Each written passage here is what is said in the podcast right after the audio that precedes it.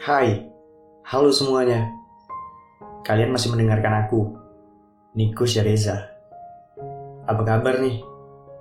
Semoga selalu diberi kesehatan, meski Indonesia sendiri sedang gak baik-baik aja ya.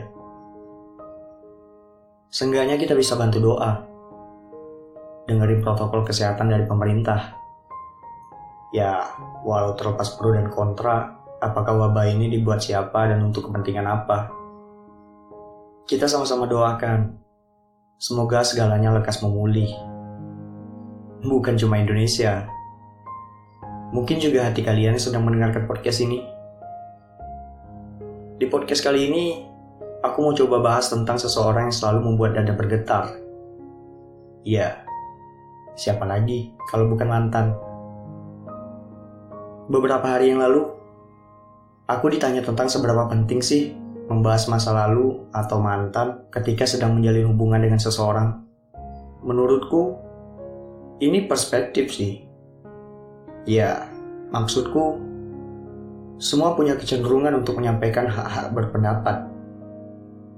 Tapi kalau buatku pribadi, bahas masa lalu, apalagi mantan itu sama sekali nggak penting sih.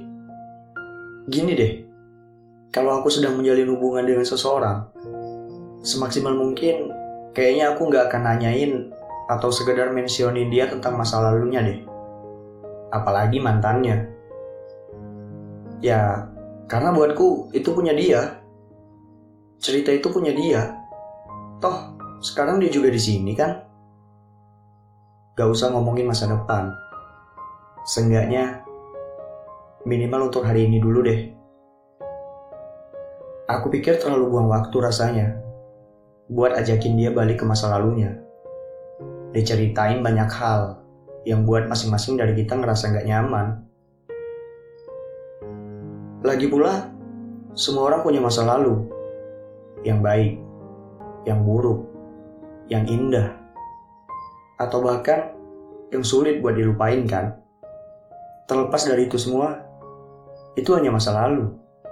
Just the past, right?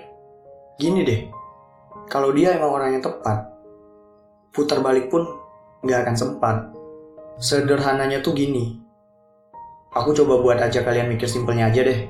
Kalau kita buat buku, atau kita beli buku, di dalam buku yang kita tulis atau kita baca itu, akan ada sebuah alur maju dan alur mundurnya kan?